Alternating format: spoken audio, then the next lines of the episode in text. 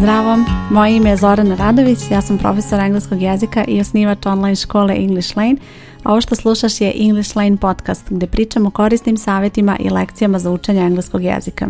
U ovoj epizodi pričat ću o pitanjima na engleskom jeziku koje možeš da iskoristiš da započneš razgovor. Konverzacija je bitan deo učenja engleskog jezika i znam da je to nešto što mnogima pravi problem i izaziva strah zapravo, pogotovo kako da započneš konverzaciju na engleskom. Nisi sigurna kako da postaviš neko pitanje, da li ćeš to pravilno reći, da li će red reći biti dobar i tako dalje i sve ovo utiče na tvoju nesigurnost probaj da razmišljaš o tim pitanjima kako možeš da ih prilagodiš u tvojoj situaciji i kako bi ti zaista upotrebila ovo da nekome postaviš pitanje.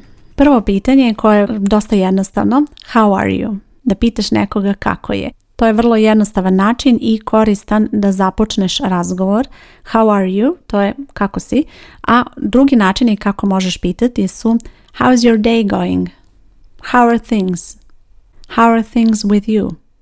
To su neka pitanja koja možeš upotrebiti u stvari da pitaš kako je osoba, kako protiče dan i u principu šta ima novo kod neke osobe i vrlo su slični, koriste ovu reč how na početku i posle toga imamo glagol to be. Sljedeće pitanje kada želiš da pitaš za nečije mišljenje, pitaćeš what do you think?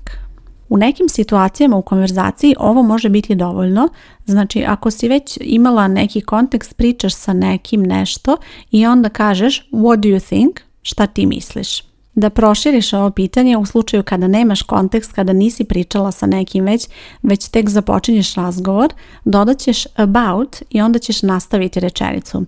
What do you think about this movie?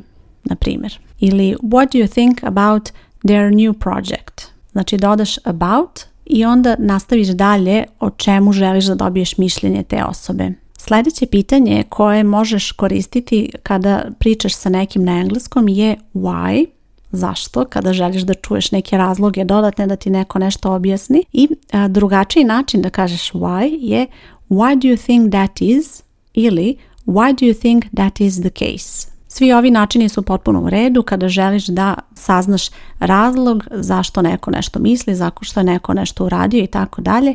I na početku je svuda ova reč why. Osim toga i pomoćni glagol se može koristiti na početku upitnih rečenica i to možeš koristiti recimo kada želiš da pitaš da li je neko nešto čuo i naravno nastavit ćeš razgovor u vezi sa nečim. Have you heard that? Ili ćeš reći did you hear that? Možeš koristiti present perfect, možeš koristiti past simple, bolje je present perfect ako nemaš određeno na neki vremenski period koji misliš, ali i jedno i drugo bi bilo u redu i jedno i drugo se čuje u konverzaciji i tako ćeš nastaviti samo rečenicu posle ovog that. Have you heard that she is getting fired? Vrlo često neće biti dovoljno potrebiti samo jedan pojam, već će biti potrebna cijela druga rečenica da provjeriš da li neko nešto čuo. Sljedeće dobro pitanje koje možeš koristiti da započneš konverzaciju je Do you have a recommendation on? Dalje je bitno da nastaviš rečenicu da se prilagodi situaciji, a neki primjer bi bio Do you have a recommendation on any good dishes? Do you have a recommendation on which movie to watch?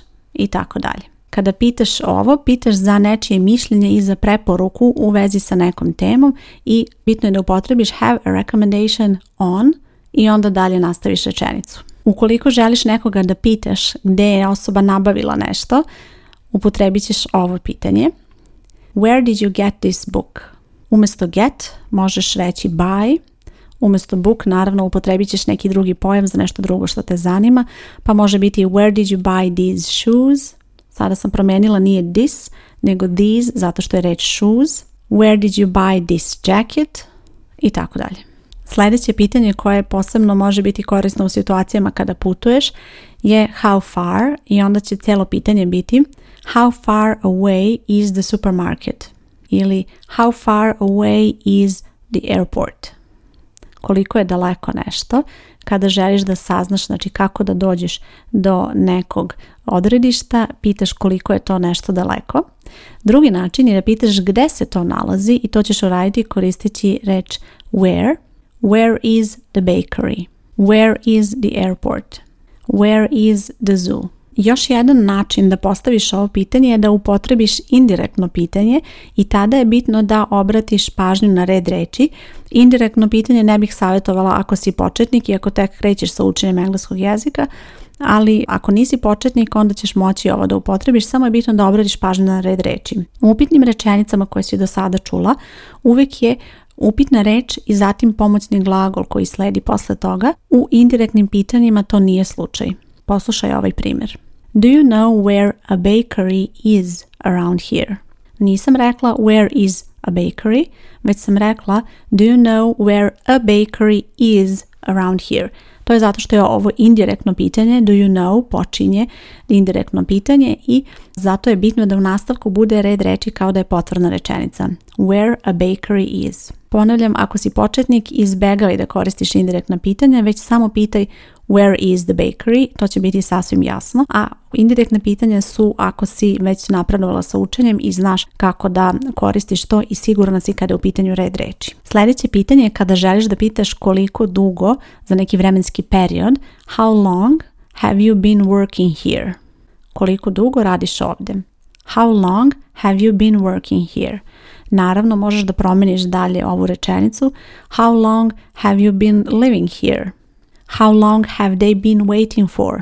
To su sve neki primjeri kada želiš da pitaš i upotrebiš how long na početku rečenice. I još jedno pitanje koje može biti korisno za konverzaciju je What do you plan to do?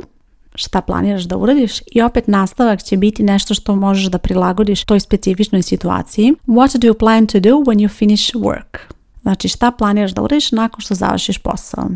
Osim toga možeš upotrebiti i neke druge izraze. What do you plan to do when you get a new job? What do you plan to do when you go on holiday? I tako dalje. Na ovaj način započinješ razgovor o nekim planovima i navodiš neku situaciju, kada, u kojoj situaciji, šta osoba planira i na taj način započinješ konverzaciju. Probaj sada na kraju da pogledaš spisak ovih pitanja. Na ovoj stranici gdje slušaš podcast bit će sva ova pitanja ispisana i probaj da ih prilagodiš sebi, svojoj situaciji. Zamisli da si ti u nekoj situaciji gdje bi ti ova pitanja bila korisna i kako bi ih ti napisala, odnosno kako bi ih prilagodila sebi i probaj da iskoristiš početak pitanja koji će ti biti koristan i koji će biti onako uglavnom nepromenljiv i na kraju dodaj nešto što će se prilagoditi tvojoj situaciji.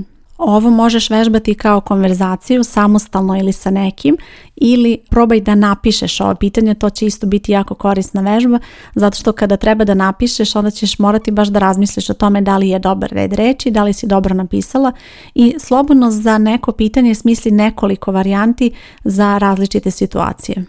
Ovakve vežbe koje sam tebi savjetovala da uradiš su nešto što mi radimo u English Lane online školi gdje odgovaramo na pitanja usmeno u okviru grupnih časova konverzacije, a naravno postoje i pitanja u okviru pisanih zataka gdje polaznice same treba da napišu odgovore na pitanja i da na taj način vežbaju praktično da koriste sve ono što uče u okviru lekcija.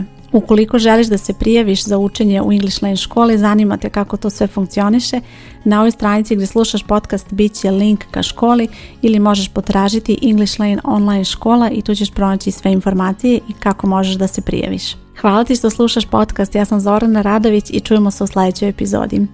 Ćao!